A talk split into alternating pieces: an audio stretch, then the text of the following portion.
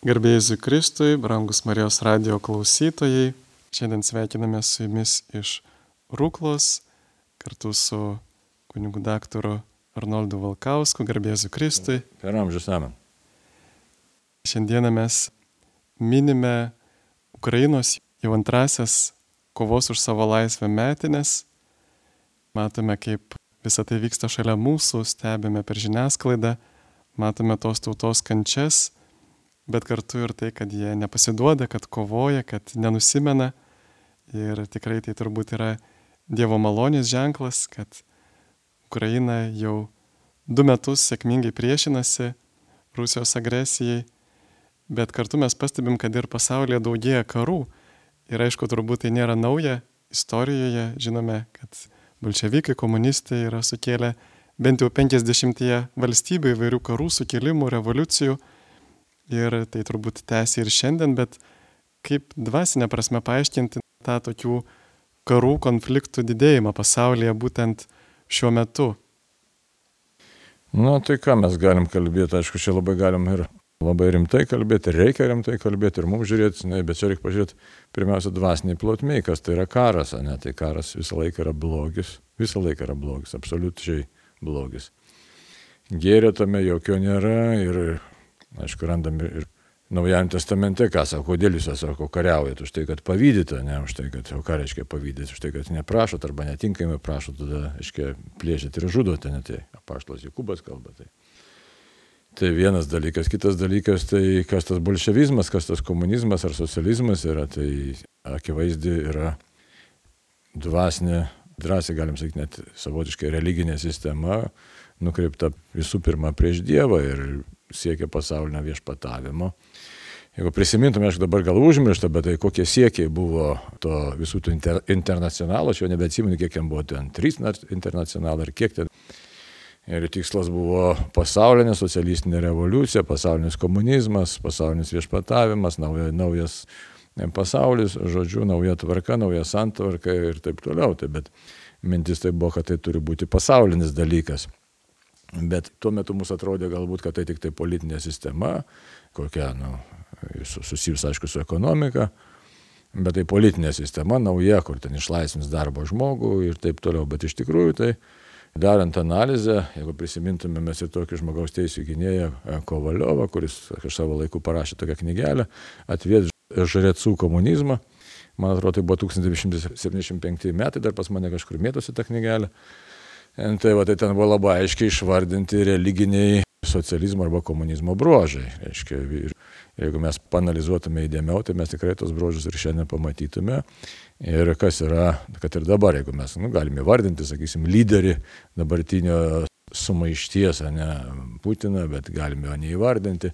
Bet jeigu žvelgtume ten visus tos buvusius suvažiavimus, Tarybų sąjungų komunistinius, CK e, generaliniai sekretoriai, plojimai, šlovinimai, paskui visi kiti ženklai, masoniški ir, ir kitokie ženklai, tai va taip, kad pilna įvairiausios dvasinės tokios realybės.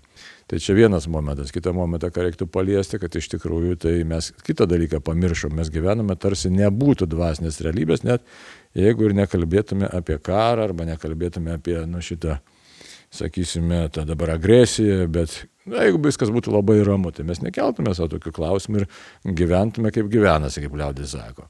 O iš tikrųjų tai nėra tokio beskirčio gyvenimo. Aišku, jeigu mes pasižiūrėtume į Jėzaus ateimą, tai kas yra? Jis atėjo tam, kad sugriautų piktojo darbus. Tai visi pasirinkimai, mūsų pagrindiniai, aišku, gyvenimo pagrindiniai pasirinkimai, nu tai kaip jeigu imsim ir tos pačius dykumų tėvus, kurie seka, kurie seka, aišku, kažkiek ten Aristotelį įtaka ar ne, ne Aristotelį, bet esmė yra, mąstymo sistema yra tokia, kad, reiškia, dvasiniam pasauliu, kad yra mūsų tos kokios mintis, kurios, nu, tiesiog paprastos gyvenimiškos mintis, yra mintis, kurios ateina iš Dievo ir mintis iš piktojo. Tai tokių mūsų paprastų neutralių minčių nėra labai daug, kas susiję galbūt tik tai šiek tiek su mūsų, na, pavalgio atsigėrio ir tai būt, tokiais būtiniais dalykėliais, bet jos taip pat gali būti palengtos tarnystė vienam ar kitam, aiškiai, dvasiniam gėriui arba dvasiniam blogiui. Taip, kad jeigu mūsų pasirinkimai gyvenimo, ta kryptis labai, labai tokia yra stipri ir mes jos nebepastebime, čia yra blogis, ypač mūsų vakarų pasaulio, kad mes užmiršom, kas yra žmogus, kad žmogus yra dvasinė būtis pirmiausia dvasinė būtis, kuri kol kas egzistuoja šitam kūne. Ir tas mūsų čia gyvenimas kaip uždavinys yra vykdyti Dievo valią, bet vykdyti Dievo valią tam, kad nueitume į dangų. Ir mes net ir kai kalbam šitos dalykus, tai mums atrodo, kad čia kažkur viskas labai toli išskėjęs, tiesiog kažkaip va tai va kaip iš tokio vadovėlio, bet kad tai nėra dvasinė realybė ar dvasinė tikrovė, arba jeigu ir dvasinė realybė ar tikrovė, tai bet neliečia manęs, mano artimų ir vaikų. Na va, tai mes kaip pernelyg tiesiog nutolome nuo dvasinio matymo viso pasaulio. O čia vyksta kova, iš tikrųjų vyksta rimta kova prie žmogų, galim sakyti šitai prie žmogų. Ir vyksta ta kova tokia, kad tiesiog tą žmogų pažeminti, paniekinti, sunaikinti, iš jo pasityčioti. Nes jeigu imsime ne tik bolševizmas buvo, reiškia, dvi sistemos konkuruojančios, kurios 1939 metais, rūpiučio 23 nepasirašė Molotovo Ribbentropo paktą, reiškia nacizmas ir bolševizmas, bet iš tikrųjų savo esmėti jos labai panašios ir abiejų šaknis okultinės, jeigu taip. Tai kodėl dabar užsiminė apie Kovaliovo, reiškia, ten tą knygelę. Už tai, kad ten labai įdomi, reiškia, kas yra, sakysim, kad ir dabar Rusija niekaip neatsikrato mauzolėjaus, kur guli Lenino palaikai, ne va ten tokie, bet kažkas ten liekanas iš to Lenino. Ne? Ir žmonės kelis dešimtmečius ėjo ten, lenkėsi, garbino ir dabar turbūt gal dar eina, nežinau. Tai ką tai reiškia? Tai reiškia tas, kuris išžudė milijonus žmonių, aiškiai, iš tikrųjų gerbiamas kaip idėjinis dvasinis vadovas. Šia kažkokio naujo pasaulio, naujos šviesos nešėjas. Tai štai tas naujas pasaulis. Mes jau jo lietuviai atsikandę esam tiek ir tiek, kad trečdalis tautos buvo pražudyta, išblaškyta, tremti pražuvusi. Dabar, dabar tas naujas pasaulis nešamas kitur ir, ir nėra jokių garantijų, kad jis negali paliesti vėl mūsų. Taip kad čia e, labai rimtai reikia šitą žiūrėti ir mes, aišku, galbūt penelį kartais užsimirštam labai greitai, kad, na, vyksta, vyksta, kaip jau kilintą kartą sakom, labai rimta dvasinė kova. Ir piktasis neleidžia mums normaliai gyventi tol, kol mes visiškai nepasišvesim viešpačiai. Tai, va, tai čia, o tų ženklų kvietimo atsiverti viešpačiai, manau, turim pakankamą, ne? Taip ir turbūt tragedija dar tame, kad rusų tauta Jie savo bažnyčioje, savo stačiatikių bažnyčios viršuje, valdovybėje turi praktiškai žmogų, kuris pateisina karą ir kuris kalba visiškai evangelijai priešingus dalykus. Tai matome, kad galėtume sakyti, Četonas atsisėdo į vatos Rusų bažnyčios vadovybės postą. Nu, tai rytų tam tikros dalies, taip ir ne tik jis vienas, jeigu pažiūrėsime kitų, ten įvairių ten tų batiškų yra, aišku, yra tokių, kurie prieš karą, bet jie labai kalba labai nedrasiai, nes jie bijo susidorojimo iš tikrųjų. Ir mums vėl pažįstama sistema, reikia atsukti laiko ratą 30 mečius, tai šiek tiek daugiau negu atgal. Ir kai aš pradėjau kunigauti 88 metais, tai ačiū Dievui, kad greitai sąjūdis atėjo, bet teko dar studijuojant seminarijoje patirti visą tą mašinos, tos kagebistinės mašinos realumą ir susidūrimą, taip kad ten smagaus nieko nėra ir bauginimo visa sistema, kuri veikia. Ir žmogaus pažeminimo dar matoma, kas ten reiškia vyksta. Tai vien už tai, kad pasakymas, kad nenoriu karo, dabar išleistas įstatymas, kad štai iš tavęs ir turtą gali atimti, o labai skaudus dalykas, aiškiai, tau darbo netenki, turto netenki, nu ir ką tada, ir ką tada žmogui išmestas už borto, esi priverstas tylėti arba pataikauti šetoniškai sistemai. Nu, aišku, kalbant apie bažnyčios vadovus, tai žinai, čia nieko naujo vėlgi. Ir anais laikais KGB verbavo, stengiasi kuo daugiau užverbuoti dvasininkijos atstovų, kompromituoti, verbuoti, infiltruoti. Ir net dabar, kai mes čia apie kartais užsiminam apie, ne, gal ne kartais, bet išlenda vieni kiti, reiškia, bažnyčios skandalai, bet vieną, vieną dalyką pamirštam, apeinam tiesiog.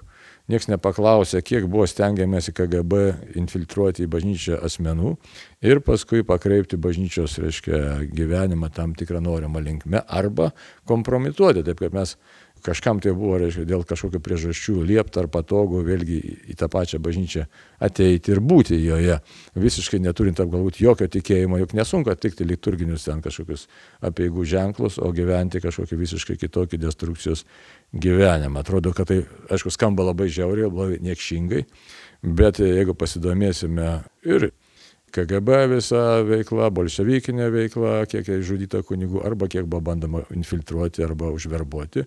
Tiek tai jeigu pasižiūrėsime apie masonerijos planus, taip pat mes pamatysime panašius dalykus, kad štai reikia sugriauti tikėjimą iš vidaus arba jį sukompromituoti ir mes matome, kad tai pakankamai vyksta veiksmingai iki tam tikro laipsnio, nes kas atsitinka tada? Žinau, kad žmogus kaip, nu tai kai sunku gyvenime, tu, aišku, iš pradžių ieškai draugų bičiulių, paskui iškreipiesi į Dievą, bažnyčią. Ir žiūrėkit, kokia siaubinga situacija pasidaro, kai tu jau nebegali kreiptis net ir į bažnyčią, belieka tik asmeninis santykis su Dievu. Na, sakau, belieka, aišku, tai čia yra pagrindinis dalykas, tačiau žmogui reikia taip pat ir, ir bendraminčių, ir bendros krypties, ir vadovo reikia, vado.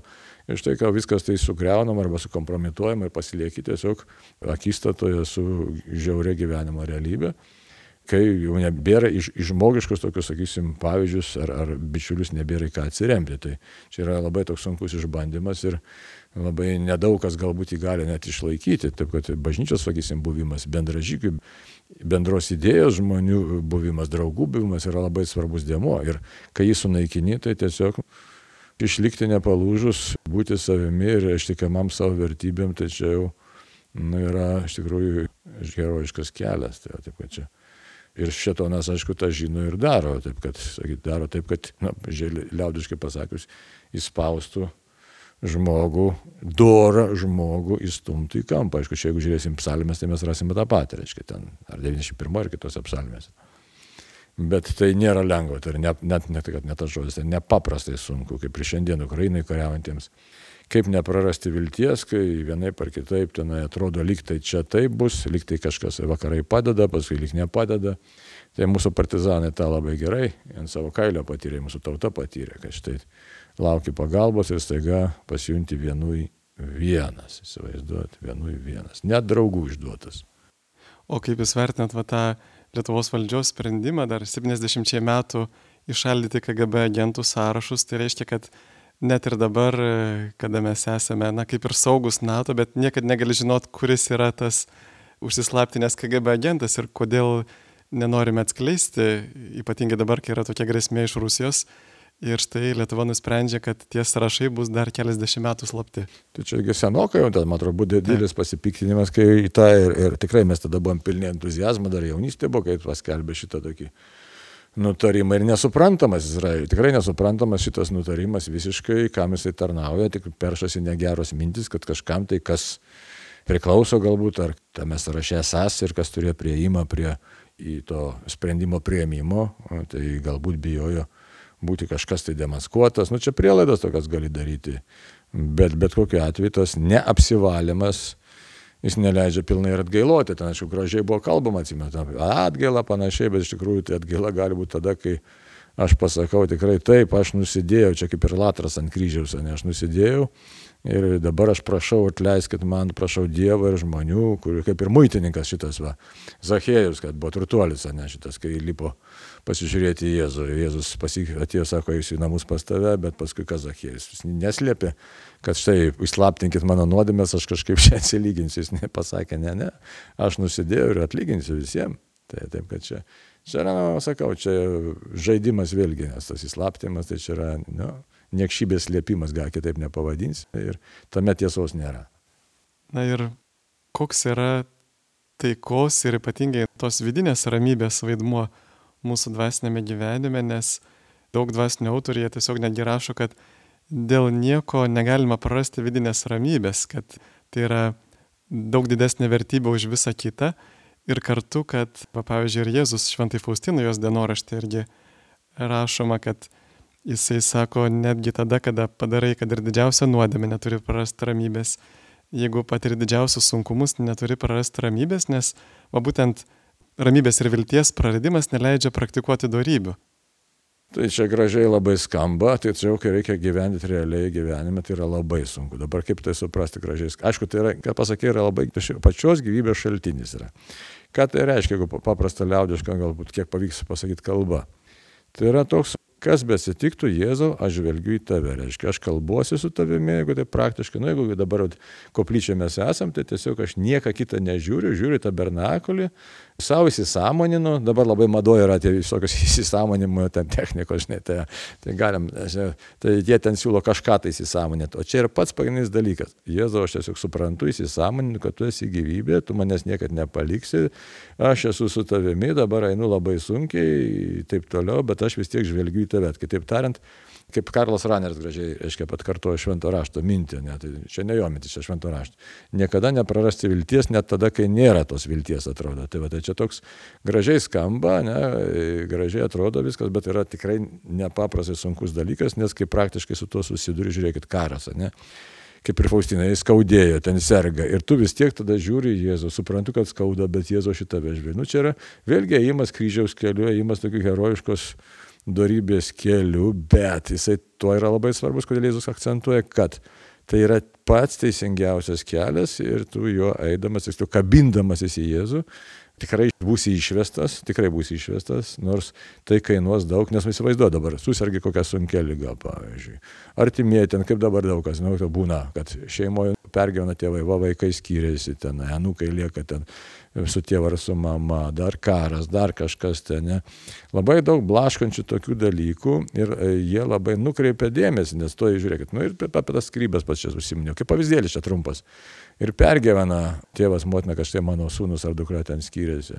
Ir visos mintis apie tai, kaip čia dabar bus, kas toliau bus, žinai, nu tiesiog dominuojančios tas pasidaro nerimastingos mintis ir tada perima tave nerimas ir jau viskas, jau kiti dalykai ima neberūpėti arba rūpėti mažiau, o dar sunkiau dėtingiau juos praktikuoti. Tai va, taip, kad jau kažką datliau artimo meilę praktikuoti, ant kokį susivaldymą, žinai, nesupykti. Žiūrėkit, ant savo kailio žinom, pradeda kažką tai skaudėti ir viskas. Ir žiūrėk, jau ateina kas nors su savo reikalais, tu tik tai galvai, nelysk man į akis, man čia negera, man tas, tas, tas, tas, žinai, tai va. Nu, taip kad tai Čia gyvenimiški dalykai. Kaip dabar žvelgti į Jėzų, nes Jėzus yra gelbėtojas. Už tai yra, kad tos aplinkybės labai nesunkiai pasirodo gali iš mūsų pavokti ne tik ramybę, bet gali pavokti santykių su Dievu. Kai pavagia santykių su Dievu, tai mes rizikuojam savo amžinojo gyvenimu. O dabar tokiuose sąlygose, kai dabar vyksta aplinkoje, net tai nerimas, nerimas, karas, nedaug Dieve Lietuva paliestų karas. Ir pamatytume, kad nu, tiesiog labai labai sudėtinga išlikti toj ramybėje ir žvelgti Jėzų. Tai praktikuota reikia, pastoviai praktikuoti, šnekėtis tiesiog širdį ir protę, šnekėti su Jėzumi, kad atėjus tam išbandymui, kaip nors jau tikrai tik iš Dievo malonės jis mus išlaikytų. Žinai, kaip fronte dabar mūsų pažįstamai yra dabar kariaujančių Ukrainoje, tai, nu kaip tenai išlaikyti tą ramybę, tai, nu, tai kaip išlaikyti, kaip, na, labai sudėtinga, žiūrėk, net įrašuose. Labai daug kas tik, tik tai keikėsi, žinai, realiai keikėsi ir keikėsi, o yra ir besimeldžiančių, matom, įmeta ir kitokius ten, reiškia, vaizdelius ir besimeldžiantis yra. Taip kad toks, nu, vėlgi kova vyksta, labai rimta vidinė kova. Ir išorinė, ir vidinė.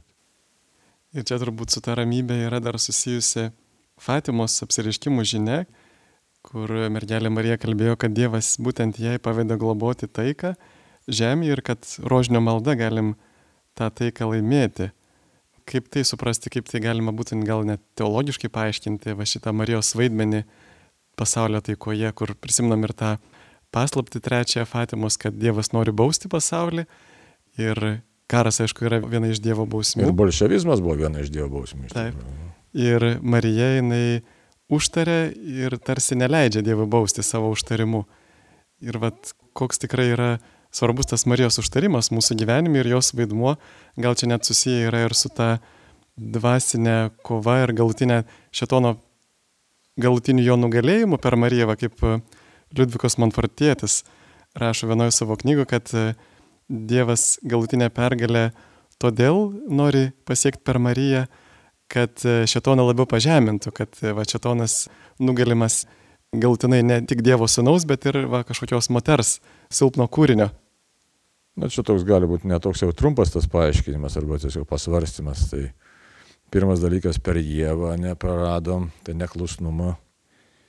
Tai per žmogaus silpnumą, tai dabar vėlgi, kas yra Marija, reikia pasižiūrėti, ne kas yra Marija. Visiškai nuolankiai Dievo tarnaitė, kurioje Dievas įkūnė savo nuolankumais, ne, nepasirinko karaliaus rūmų, nepasirinko ten kažkokiu tai iškilių ten asmenybių bet pasirinko mergelę nežinoma kodėl. Todėl, kad jis pats yra visiškai absoliuti meilė ir absoliutus nuolankumas. Aišku, ir kaip sakai, kaip Manfartėdas narašo, galėtų Dievas savo galybę, taigi jis nugalybę yra nugalėjęs piktąją dvasę. Bet jisai tiek yra maloningas, kad jisai leidžia nekaltai pradėtai mergelė Marijai dalyvauti Dievo pergalė, o kartu su ją ir visiems tiems, kurie prisijima tiesiog Marijos nuolankumą. Dalyvauja tame nuolankume ir pasirodo tam nieko ypatingo nereikia, reikia tik tai ateiti ir pasitikėti Dievo malonę, pasitikėti Marijos užtarimu ir stot, kaip sakyti, į maldininkų gretas, imti ranką rožančių ir tą rožančių kalbėti labai nuolankiai ir paprastai. Taip kad čia tas Dievo paprastumas ir pergalė paprastume, pergalė nuolankume, čia labai daug dalykų telpa, nes Marija yra visiškai nuolanki, toliau leidžia mums dalyvauti tame nuolankume, leidžia dalyvauti mums nepaisant mūsų puikybės išdidumo ir visų, visų mūsų, kaip sakyti, nuodėmingumo. Tai va, taip kad dabar, kad aišku, pažemintų piktą dvasę, tai čia vėlgi Dievo meilės parodymas ne tik, kad ją pažeminti, bet kad mums leidžia dalyvauti per, kartu su Marija išganimo plane, įsivaizduoju, mums, nuodėmingiams žmonėms, leidžia dalyvauti išganimo plane. Dievas nepaiso mūsų nuodėmę. Ne tik, kad atleidžias, bet mums vėlgi pašaukia būti išganimo nešiais dalininkais, tai bažnyčios svarba. Nu, va, tas Dievo gailestingumas, jis matai, kartais mes jį suprimityvinam, bet, aiškiai, Dievas gailestingas tiems, kurie ištikimai jo laikosi jo įsakymų teisybės, o Marija mūsų užtarė ir net tada, kai mes nesam labai ištikimi arba visai neištikimi, bet kai grežiamės į Dievą, vėlgi Dievo galestimas pasireiškia Marijai užtariant. Štai, kad Dievo teisybės ir kantrybės laikas, jisai, žinai, gali ir greičiau mūsų užgriūti. Tai, va, tai čia tokių labai svarbių momentų yra, na, nu, galim vadinti teologinė, čia ne teologinė, bet yra tikėjimo dalykai, kurie labai labai svarbus yra ir mums vilti didžiulę suteikia. Štai mes žmogaus išaukštinimas Marijos asmenyje, mūsų taip pat išaukštinimas, kad štai aš kalbėdamas paprastą maldą prieš galybės įsivaizduoti, vėlgi už tai dvasinės kovos yra dalykas, kaip papaštalas Paulius laiškė Feziečiam šeštam skyriuje, nesako, mes grumės nesu krauju ir kūnu. Tai leidžia Dievas iš savo gerumo ir nuolankumo, iš meilės, aišku, pirmiausia, Marijos užtarimą turi savo planą. Ir tas planas yra toks, kad žmogus išaukštinamas iki tiesiog iki begalybės, iki Dievo ir išaukštinimas labai paprastai, su, su didžiausiu dėl Marijos nuolankumo, dėl Dievo plano. Ir tame taip pat ir mums leidžia būti išaukštintiems ir pergalės. Tiesiog eiti pergalės eistinę galėtume taip sakyti, kaip ir dabar gavienės metas, tai mes einam kvapioj Jėzaus pergalės eistinę, čia iš tų dar pirmųjų krikščionybės autorių tai pasakyta. Ne? Taip, prisiminiau ir Jėzus sako Faustinai, kad Dievo meilė, meilė Dievui ir nusižeminimas būtent tai yra sielos didybė Ir va, kai jūs minėjot, kad Dievas leidžia mums dalyvauti, jo pergaliai laiškė romiečiam 16 skyriuje, o ramybės Dievas netrukus sutryps šetoną po jūsų kojomis. Va, ramybės Dievas netrukus sutryps šetoną po jūsų kojomis reiškia, kad ne tik Marija gali sutraiškyti tą gyvatį į galvą, bet ir, ir po mūsų kojomis. Dievo. O, o matai, problema yra ta, kad štai kodėl, ir, ir, reiškia, ir Fatimos pranašystė gal leista buvo, ne, kad drastiškai sumažėjo tikinčių, tikrai tikinčių Dievą išpažįstančių žmonių. Tai va, drastiškai sumažėjo, aiškiai, susėmė žmonės kažko, tai verslas, priekyba, gamyba, žodžiu, reikalai. O ką reiškia, jeigu žmogus nustoja tikėti? Jis nutolsta nuo savo esmės. Jeigu mes nuo to čia, kaip sakyti, nukertam šaknį, iš kurios gauname gyvybę, tai va, taip kad Ir Dievas pamatė, kad tai kūrinys eina ne tą keliu. Ir, reiškia, tokiu būdu mes tampame ne Dievo įrankiais, bet šetono įrankiais. Ir Dievo visagalybė ir net ir gailestingumas negali leisti, kad būtų šitaip tyčiamasi iš žmogaus. Tai štai Dievas už tai leidžia vykti įvairioms nelaimėms. Na, aišku, galim paklausti, kodėl leidžia ir tada teisiesiems tame kentėti. Tai, bet Čia jau tie, kurie yra teisėjami, tai tie dalyvauja tiesiog savo kankinystėje, Kristaus kankinystėje, savo kankinystėje. O kiti, kurie neteisūs, kurie nuodėmėse paskendė, tai tiesiog srebia savo nuodėmės pasiekmes. Tik tai gaila tų, kurie turi neštą kankinystės kryžių. Šitoks irgi slėpinys didžiulis, bet jau čia galėtume prisiminti apreiškimą, kur sako tie visi nukankinti. Kiek jų ten minių minios atėjo ir išbalinę savo apsiaustų savinėlio kraują. Žodžiu, bedėvystės rezultatas yra visas šitas šitono siautimas. Mėly Marijos radio klausytojai, mes šiandien su kunigu daktaru Arnoldu Valkausku kalbamės apie karo Ukrainoje antrasis metinės. Ir kaip Jūs manote, ta situacija buvo Austrijoje, kada irgi buvo didelis pavojus ir žmonės pradėjo melsis rožinį ir tada Sovietų sąjungos ta visa kariuomenė pasitraukė, ne, neužpuolė. Ir ar tikrai tikite, kad va taip rožinio, toks, galėtume sakyti, kryžiaus žygis iš tikrųjų gali šalį apsaugoti nuo karo? Čia geras klausimas mums visiems. Taip atrodo teoriškai turėtume atsakyti, taip, labai tikiu. Bet kai praktiškai tas mums atsitinka, dabar net, net, net lygos atveju, kad ir paprastos lygelės atveju, toks iškyla tas sviravimas tarp fideizmo ir racionalumo. Ir pagalvoja, tai gal čia, žinai, ar galiu prašant, o gal neprašant, ir Dievas neišklausys, o jeigu neišklausys, tai darysiu tą, na, o protas sako, kad reikia tą ir aną daryti. Tai dabar reiktų pasižiūrėti pirmiausia. Klausimas, aišku, toks labai rimtas, ir, bet ką pasižiūrėti. Ar mes pirmiausia gyvename taip, kad būtume verti taikos? Ar mūsų tas gyvenimas, iš tikrųjų, Dievo palaimas. Kas yra taika? Taika yra Dievo palaima. Bausmė, karas visą laiką buvo bausmė, Dievas leidžia karą. O šiaip aišku, ar tikiu taip, turim tikėti ir tikime, kad taip malda gali išsaugoti, bet ta malda tada turėjo plaukti gerai iš širdies ir, žinai, iš tos visiškos, kai žinai, nebėra kitos, kaip sakyti, jau visi žmogiški resursai patraukti arba padaryti, atlikta, ką privalom padaryti. Bet taip, Dievas tikrai pajėgus ir išklauso, saugomus ir nori mus saugoti ir nori to tikro santykio. Tik tai tiek, kad norėtųsi, kad nereiktų mus laukti to kritinio atveju, kai jau čia priešas bus prie pat namų slengščio. Bet pradėkime melstis šiandien ir dabar ir nematai ne tik, kad čia dėl karo. Kitas yra kur kas, sakyčiau, reikšmingesnis dalykas, visi mes mirsime ir kur mūsų sielos keliaus, kur mes keliausim po mirties, čia turėtų būti pagrindinis dalykas, nes karas tai yra tik tai toks pagreitintas priminimas, kad štai žiūrėk, va čia tau kažkas tveria už sprando ir tave veda ar daro su tavim, ką nenori, tau darosi labai bloga, negera gyventi arba gali labai greitai iš iškeliauti. Tai tokiu brutaliu būdu, bet tai reikia nepamiršti, kad mes vis tiek iškeliausim. Ir už tai esmė yra kita, kad kiek sielų, kur tos sielos keliauja, kad ir šiandien ramiai Lietuvoje gerbuvėje gyvenančio mes čia dabar Lietuvoje labai dėjojam, dėjojam, bet palyginus, kad su ta Ukraina, bet tikrai vis tiek neblogai gyvenam, šiltai gyvenam, vandens turim, valgyti turim ką. Žodžiu, ar dėkojam Dievui, ar mūsų bažnyčios kaip dabar jos e, pilnos žmonių, ar jos pustuštės, ar atvirkščiai kurortai pilni, o bažnyčios visiškai ištuštėja. Taigi matom, kad tos dvasiniai kovojime šiandien pralaimėm labai stipriai. Ir taip, kad malda tai taip ir ne tik ta Austrija, galėtume kitus prisiminti, Lietuvos dalykus. Vienas karo lakūnas čia mano senelių pasako, mano senelis buvo siuvėjas, močiutė senelių pasakos, atėjo pasisiūt po karo ten kažkokio tai drabužio, uniformos ar ko čia kaune. Minskevičius gatvės senelis siuvo. Ir sako, skridau su bombonešiu, šito ruso pasakojimas. Niekas, aišku, dabar nepatikrinsiu, žinai, bet toks buvo pasakojimas.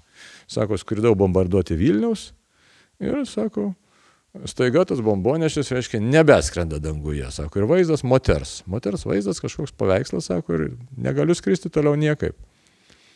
Nu ir nesuprantam, sako, prietaisų žiūrim, kad sako kažkas tai, sako, da, nenormalu kažkas tai.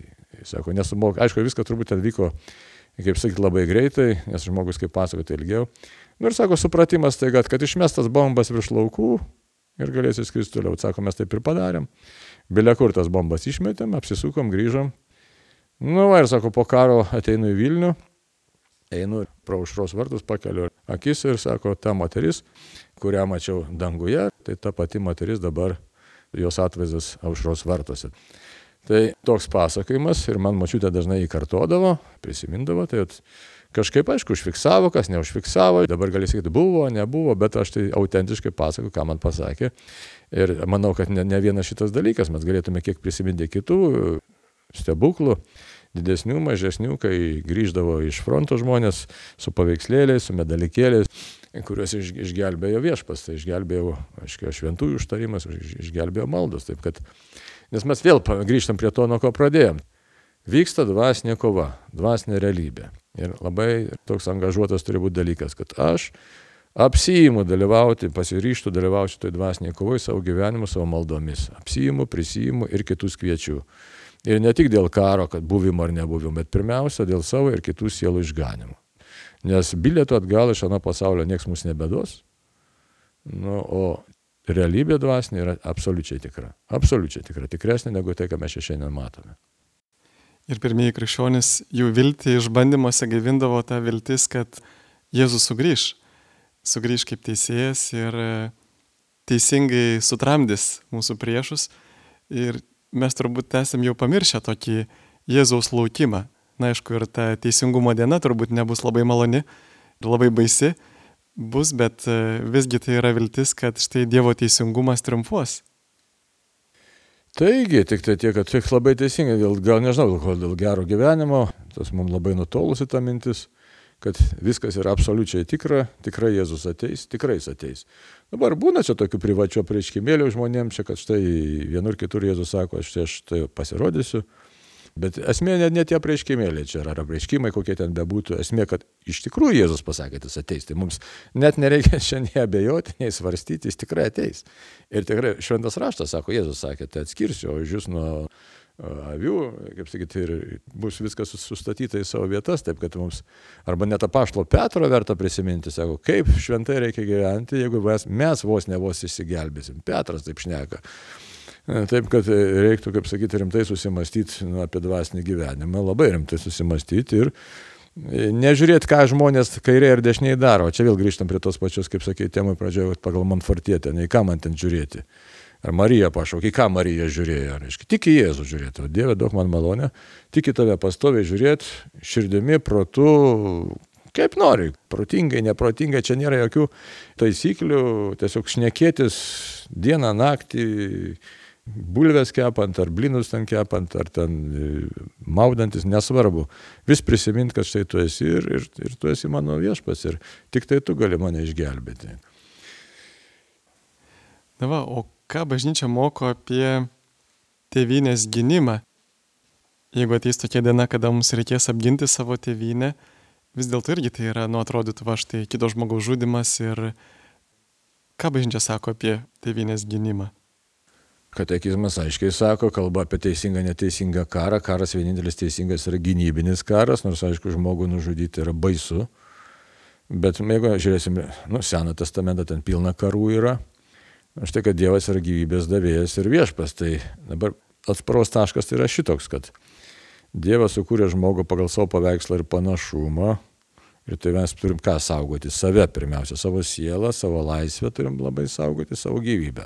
Ir savo artimųjų. Tai mes juos turim apginti ir saugoti.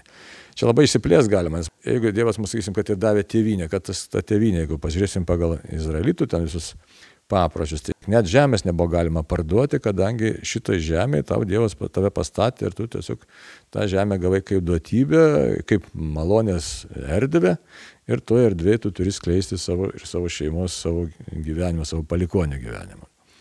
Dabar jeigu žiūrėt toliau, tai yra, vėlgi, jeigu karas teisingas ir ginantis nuo priešų, tai aš ginu tą erdvę, kurią man Dievas davė ir savo artimuosius, savo laisvę, savo gyvenimą. Ir kartais tenka ginti net ir tokia žiauria kaina, savo laisvės kaina, tai kaip nu, pritaikoma šita mintis, kad kas nori išgelbėti savo gyvybę, tas ją praras. Tiksliau, nėra didesnės meilės, kaip gyvybę už draugus atiduoti. Tai atiduodam gyvybę, kad mūsų artimieji būtų apsaugoti, laisvi ir taip toliau, kad tas priešas, kuris jau dėl kažkokių priežasčių įžengia čia, kad jisai nedrįstų vokti toliau mūsų gyvenimą. Aišku, ar tai pirmoji vietoje tas ginklas, tai vis tiek turėtume pirmoji vietoje žinot, kad pirmoji vietoje yra žvilgsnis į Dievą ir malda. O jeigu jau reikės tą ginklą imti, tai čia yra kaip ir, kaip ir visais kitais atvejais. Galvom kartais, ar vaistas mane gydo, ar Dievas mane gydo. Tai jeigu Dievas norės, tai jis mane ir per vaistą išgydys. Bet jeigu Dievas nenorės, tai nei vaistai mane padės, nei gydytas niekas nepadės. Jeigu Dievas nenorės. Čia reikia nesumaišyti dėmenų, tai už tai kartais mes apverčiam viską ir sakome, oi, tai jeigu mane čia pasiūs į karą, tai jeigu Dievas nenorės, niekas manęs nepasiūs į tą karą, nebus šito karo. Bet jeigu būsim verti bausmės, tai, tai tada jau kiti dalykai teks atgailauti kažkokiu tai būdu. Su tuo pirmoju karu, jeigu mes pasižiūrėtume, aišku, tokiu negali tikėti, bet tu kaip per tokį asmenį, kaip sakysim, nežinau, ar čia verta minėti, per Oskarą Milašio, net tie prieškimai, bet jis gal nebuvo toks skaidrus visai dvasinė prasme, bet jis ten Petrui Klimai išpranašavo visiausių dalykų, bet ten mintis tokia, kodėl buvo tuo metu Lietuva baudžiama už tokias, sakysim, kodėl Lietuva taip stipriai baudžiama, palyginus tikrai stipriai buvo baudžiama, netekti trečdalio gyventojų, tai kiek prisimenu Oskarą Milašį, ten tokia, nu, buvo toks įkvėpimas atėjęs, kad trys dalykai yra, tai yra buvo, kad dabar ar prisiminsiu tos tris dalykus, nežinau, vienas ten buvo, kad ten įsigalėjęs, reiškia, kas neteisybė, ai, spiritizmas, tai yra visi burtininkavimai buvo labai Lietuvoje nepriklausomai įsigalėję. Ir trečias dalykas - netyrumo nuodėmė, tai yra homoseksualumo nuodėmė tarp kariškių, beje, reiškia, pagal jo pranašystę įsigalėjus. Tai reiškia, tai buvo kaip tokia kaip Dievo bausmė galėjo būti. Tai aišku, čia dabar nepaklausė viešpatės Dievo, ar tikrai taip, bet toks čia nu, privatus jau toks žinojimas buvo. Kiek jau gali remtis, tai, nu, čia, žinai, labai tai privotai. Bet tik tiek, kad vėl bendrų tokių principų, tai nuodėmė atveria kelią velnio siautimui ir nebeleidžia veikti Dievo maloniai. Tai tas tevinės gynimas pirmoje vietoje mes jau dabar turime ją ginti, melzdamėsi, laikydamėsi Dievo įsakymų, priimdami teisingus įstatymus politikos.